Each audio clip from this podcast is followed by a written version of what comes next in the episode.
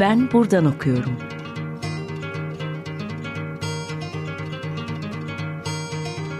Edebiyat ve başka şeyler.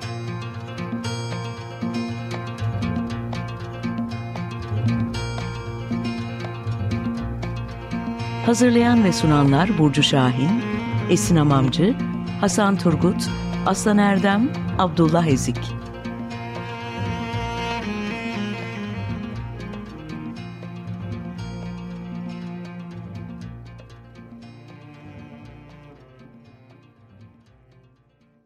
Herkese merhaba. 95.0 Açık Radyo'da Ben Buradan Okuyorum programındasınız. Ben Esin Hamamcı. Bugün konuğum müzikolog Uğur Küçük Kaplan. Kendisiyle Türk Beşleri ideolojiden tahayyüle bir Cumhuriyet Ütopyası çalışması üzerine konuşacağız. Hoş geldiniz Uğur Bey. Hoş bulduk, teşekkürler. Ee, ilk sorumla başlıyorum. Türk Beşleri ideolojiden tahayyüle bir Cumhuriyet Ütopyası kitabınızda Osmanlı'dan Cumhuriyet'e Batı müziğiyle olan ilişkilenme hallerimiz üzerinde duruyorsunuz. Burada değişimin belirgin izlerinin edebiyat sahasında da görülen izlerinden bahsediyorsunuz. Örneğin Ahmet Mithat ve Halit Ziya Uşaklıgil gibi döneminin önde gelen romancılarının eserlerinde bilhassa müzik teması üzerinden Doğu-Batı e, arasındaki kültürel çatışmaya sıklıkla yer verildiğini, bunun da eğitim ve kültürel e, farklılıklara vurgu yapan metinler olarak karşımıza çıktığını söylüyorsunuz. Örneğin Aşk-ı Memnu'da mürebbiyesinden piyano dersleri alan Nihal ile ut çalan Bihter arasındaki farklar kültürel karşılıklara dayanmaktadır. Yine Mehmet Rauf'un da Garam Şebap'ta, Eylül'de, Karanfil ve Yasemin'de Batı müziğine duyulan hayranlık kendini gösterirken geleneksel müziği de aşağıladığını söylüyorsunuz. Ee, ben de tezimde Halit Ziya ve, Me- ve Mehmet Rauf e, çalışmış biri olarak özellikle Mehmet Rauf'un Karanfil ve Yasemin'li yayını hazırlamış biri olarak e, müzik üzerinden duygu tasvirleri yapıldığını e, söyleyebilirim. E, bu konuda bir ortaklık kurabiliriz. E, özellikle hülyalar, renkler ve müziğin sedası kahramanların e, dile getirilmeyen e, sözleri oluyor.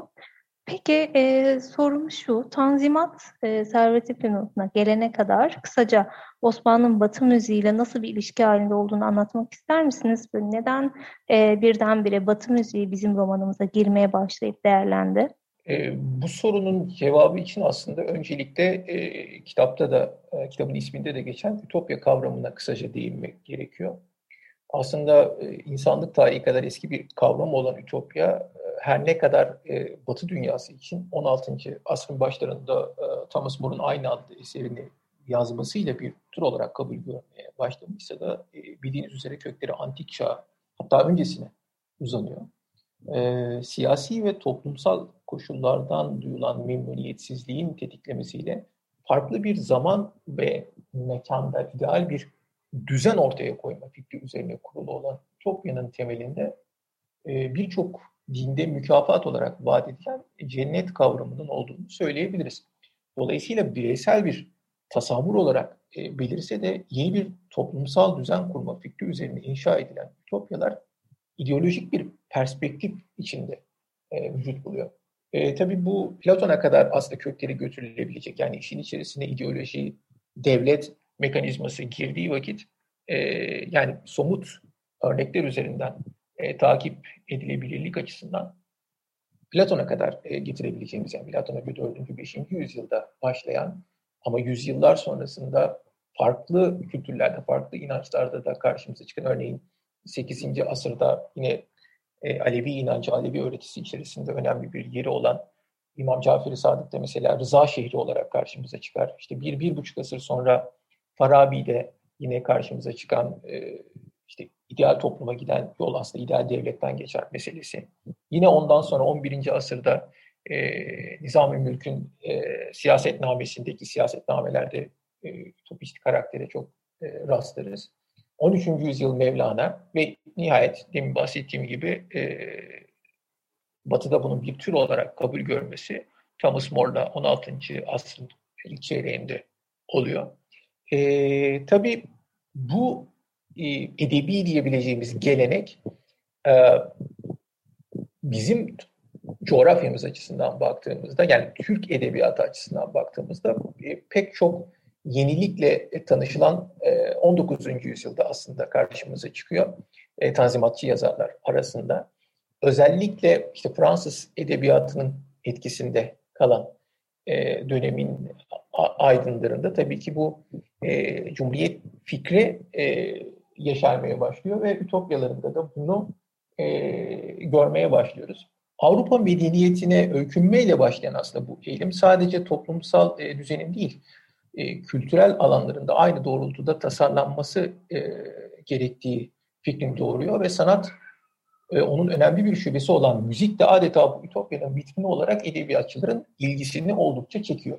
E, kitapta somut örneklerle anlatılmaya çalışılan ve aslında yalnızca yazarların muhayyilelerinde karşılık bulan Batı müziğiyle geleneksel Osmanlı Türk musikisi arasındaki ikilemin e, bu arzular dünyasının e, nesneleri arasındaki çatışmadan e, doğduğunu söyleyebiliriz. Nitekim tabii dönemin koşulları gereği e, özellikle bu yazarlar arasındaki öncü isimler olarak Ziya Paşa ve Namık Kemal sık sık anılır. E, özellikle bu arzulanan, e, özlenen, tahayyül edilen toplumun rüya yoluyla e, okuyuculara anlatıldığını görürüz. Başka e, bir takım e, dünyaların daha farklı toplum yapılarının mümkün olduğunu anlatırlar. Ve bu rüya meselesi son derece önemlidir. Çünkü kitabın isminde yine geçen tahayyül sözcüğüne bir örnek olması bakımından kitabın ikinci bölümü e, dönemin önemli müzik adamlarından e, Halil Bidi yönetkenden yapılan bir alıntıyla başlar. Kısaca hemen onu e, aktarmak isterim izninizle. Kendimizi musikide bulacağımız o gün ne büyük gündür ve onu idrak edecek nesil ne bahtiyar nesildir.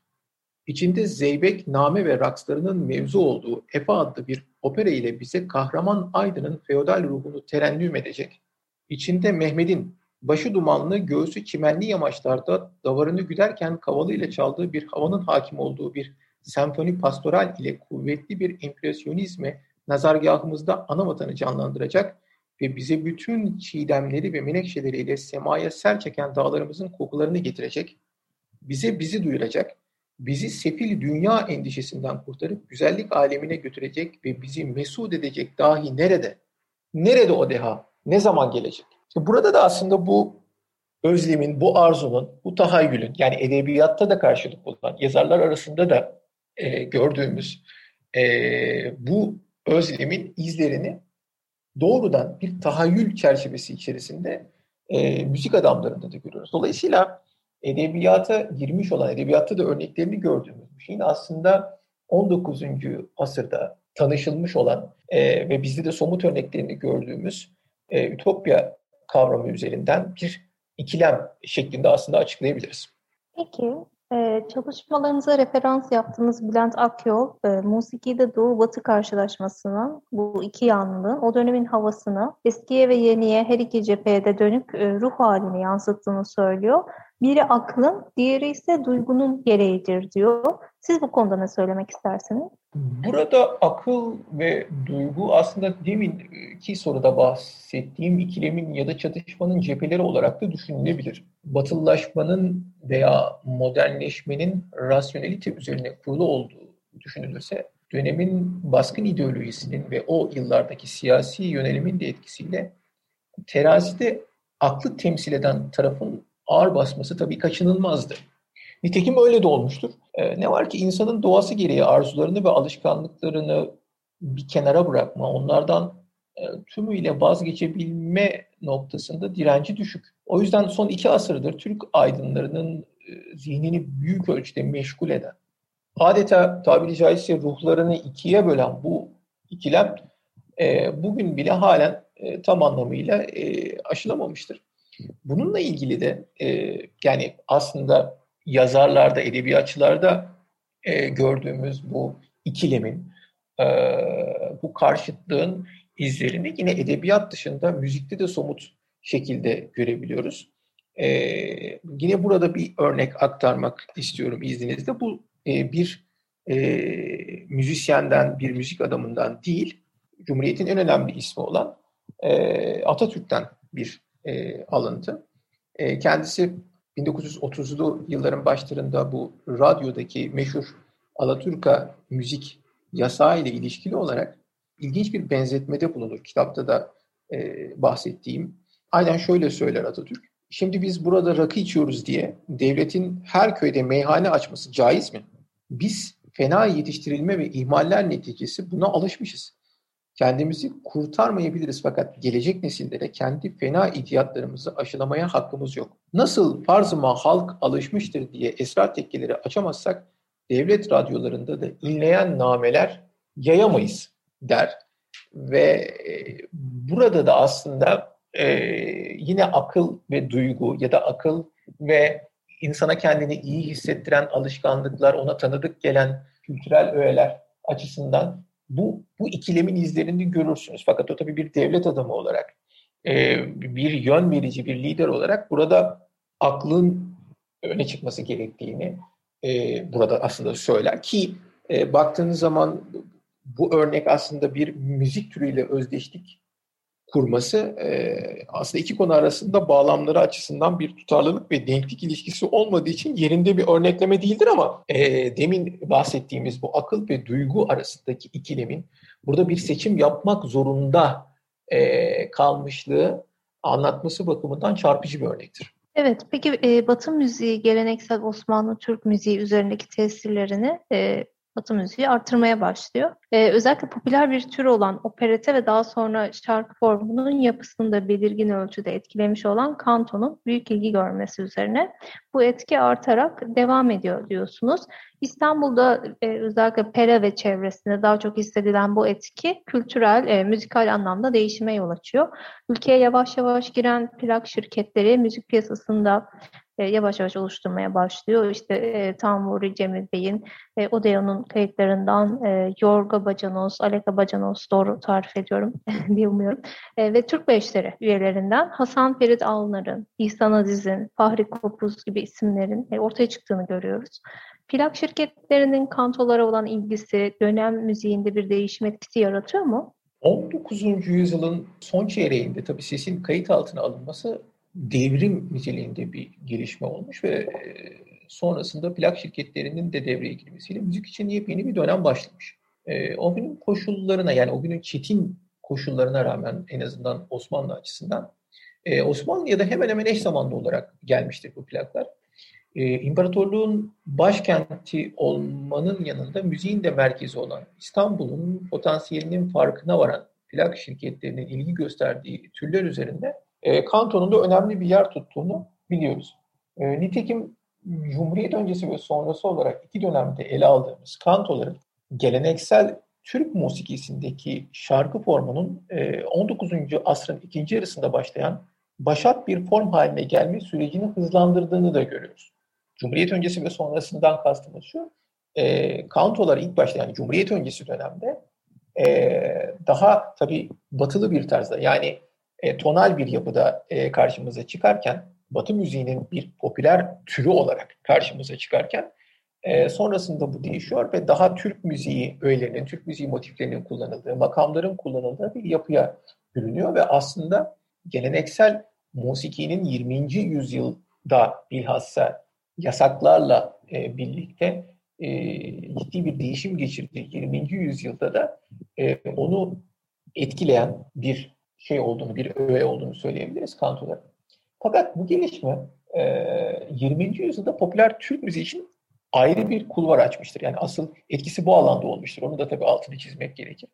Dolayısıyla tam da bu yüzden erken Cumhuriyet dönemi e, yıllarında temelleri atılan müzik inkılabını destekleyen kesim e, müzik piyasasına ve tercihlerine karşı her daim böyle bir hoşnutsuzluk duymuş ve oldukça da mesafeli yaklaşmıştır. Fakat yani 30'lardan itibaren ivme kazanan bu alana da çok fazla e, etkide bulunamamıştır. E, çünkü bu aslına bakarsanız e, devletin bir noktadan sonra kontrolü dışında gelişen bir alan olarak yani müzik piyasası şekillenmiş ve büyümüştür. fakat yani Türk beşlerinin de aralarında bulunduğu Cumhuriyet kuşağı bestecileri yani ilk kuşak ve sonraki kuşaklardan da birçok isim aslında müzik piyasasına ve bu kantolarla başlayan e, bu değişim sürecine e, çok da sıcak e, bakmazlar fakat gerçekten de kantolarla birlikte ciddi bir değişimin e, olduğunu e, açıkça ifade etmek gerekiyor. Uğur Bey, Ziya Gökalp sosyal bilimci olarak fikirleriyle dönem siyaset hareketine yön vermiş. Cumhuriyet ideolojisinin şekillenmesinde e, etkili olmuş bir isim. Turan'ın ülküsü gereğince bütün Türkleri ortak bir kültür etrafında birleştirmeyi arzuluyor. Bildiğimiz üzere Türkleşmek, İslamlaşmak, muasırlaşmak ve e, Türkçülüğün esasları kitapları bu ideoloji etrafında yazdığı kitaplar. E, Türkçü, Türkçülüğün esaslarında iki çeşit musiki olduğunu söylüyor. Farabi tarafından Bizans'tan tercüme olunan Osmanlı musikisi ve halk arasında kendiliğinden doğmuş Türk musikisi. Kendisi ne bir müzikolog ne de bir e, müzisyendi aslında. Bu nedenle Osmanlı Türk müziği diye tarif ettiği şeyin terminoloji açısından eksik kaldığını ancak siyasi ideoloji olarak etkili olduğunu söylüyorsunuz çalışmanızda. Gökalp'in e, Türkçülük düşüncesinden ve onun gibi düşünenlerin Türk müziğinin etkisinden bahsetmek ister misiniz? E, operalardan, tiyatrolara, verilen konserlerden, radyolara, Türkçülük düşüncesi ve bu ideoloji e, müziği nasıl etkiliyor? Gökalp'in ve Türkçülük düşüncesinin müziği etkisi aslında kültür sahası üzerinden dolaylı bir biçimde e, olmuştur. E, kendisinden önce dile getirilmiş e, bir takım meseleleri sistematik hale getirerek daha bütünlüklü bir yol haritası çizen Gökalp'in fikirleri Cumhuriyet ideolojisinin çekirdeğinde yer alan e, Türk milliyetçiliğinin genel hatlarını e, tayin etmiştir.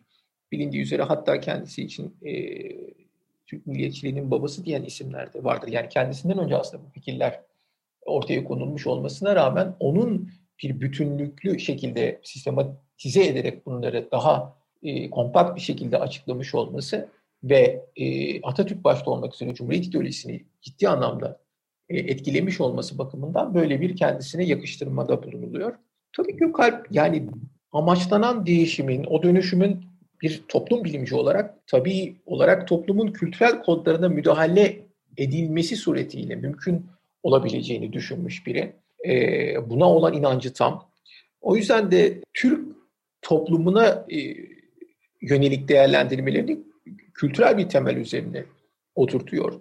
Kültür harf ve medeniyeti olarak ikiye ayırıp aralarında müziğin de olduğu çeşitli konu ve kavramlarla e, ilişkilendirerek milleti bir arada tutan en önemli unsurun bir tür harç görevi gören din olduğunu da aslında söylüyor. Nitekim e, 30'lu yıllara baktığınızda radikal bir takım müdahalelere maruz kalacak bu alanı tıpkı müziktekine benzer bir şekilde biçimlendirmeye çalıştığını görürüz. Yani Türklerin e, İslamiyet'i kabulünden önceki inançlarından yola çıkarak e, bir Türk Müslümanlığı inşa etme gayreti içerisine girer Gökalp.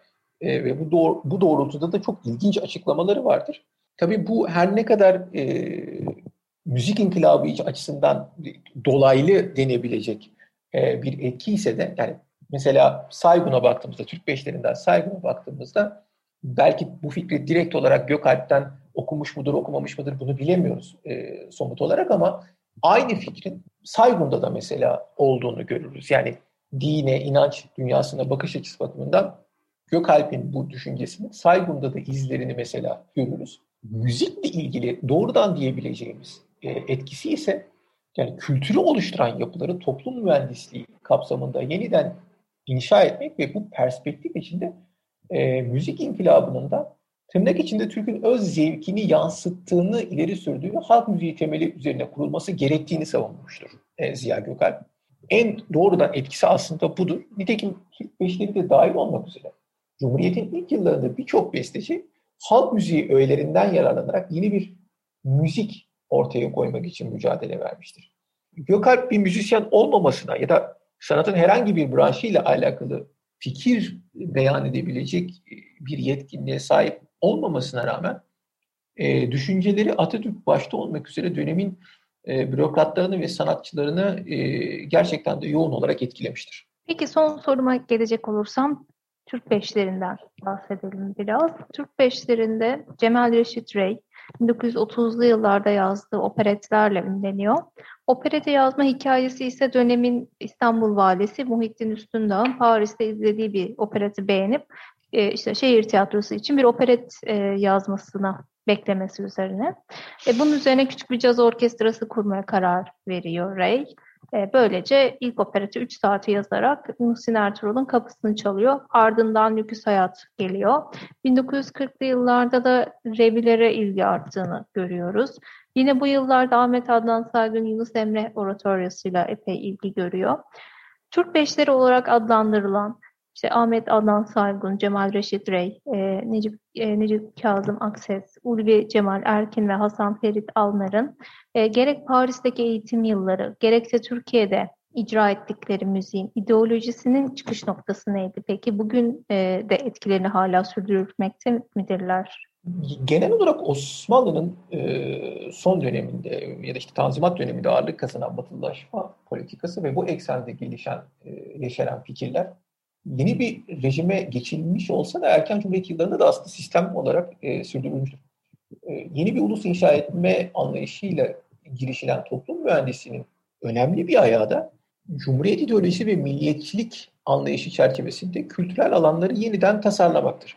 Yeni bir medeniyet dairesine girmeyi hedefleyen Cumhuriyetçiler yüzlerce yıllık bir geçmişi olmasına karşı geride bırakılmak istenen Osmanlı ile özdeşleştirdikleri geleneksel musikiyle bağları koparıp temelinde e, işte demin bahsettiğimiz gibi Ziya Gökalp'in de işaret ettiği şekliyle halk müziğinin temelinde yer alması gerektiği, gereken bir yeni bir müzik inşa etmek üzere e, şey koyulmuştur, koyulmuşlardır. İşte Türk beşleri de e, bu yolda kendilerine görev tevdi edilen ilk kuşak Türk bestecileri arasında yer almaktadır ama e, kitapta da bahsedildiği üzere aslında bakarsanız bu beş ismin çağdaş e, olması e, yani hemen hemen aynı yıllarda e, doğması ve müzik inkılabına onun ortaya koyduğu e, çerçeveye ve Atatürk'ün fikirlerine e, duydukları bağlılık dışında müzikal açıdan, sanatsal açıdan aslında birbirlerinden çok farklı ve tabii karakteristik açıdan birbirinden çok farklı insanlar. Dolayısıyla e, kendilerine böyle bir görev tevdi edilmiştir. E, onlar da inançla bu yolda yürümüşlerdir. E, beyanatlarına baktığınızda da hep bunun olduğunu görürsünüz. Fakat pek çok açıdan birbirlerinden farklı olan bu beş besteci e, sanat yaşamlar, yaşamlarında da aslında çok farklı bir yol izlemişlerdir. E, onun mutlaka altını çizmek gerekiyor. E, yine de e, şunu da tabii söylemek gerekiyor. 1950'lerden itibaren bu erken Cumhuriyet dönemindeki e, kararlı bir şekilde uygulanan politikalar e, zayıflamaya başladığını, buna koşut olarak müzik inkılabına ilişkin e, fikirlerin de giderek tabii etkisini kaybettiğini söylemek gerekiyor. Fakat bir taraftan da bilhassa eğitimin temelleri bu ideoloji doğrultusunda atıldığı için belli bir kesimde bu fikirlere duyulan inancın ve bağlılığın en azından ilkesel düzeyde de olsa sürdürüldüğünü söyleyebiliriz. Çok teşekkür ederiz Uğur Bey. Konuğum teşekkür ederim. Sağ olun. Evet, bugün konuğum Uğur Küçük Kaplan'da kendisiyle e, Cumhuriyet ideolojisinin müziğimizi ve sanat hayatımızı nasıl şekillendirdiği, e, müzisyenlerimize nasıl bir yol çizdiği ve bugün dahi müzik üzerine nasıl fikir e, yürülebileceği üzerine bir e, harita çıkarmış olduk. Sonraki bölümlerde görüşmek üzere, hoşçakalın.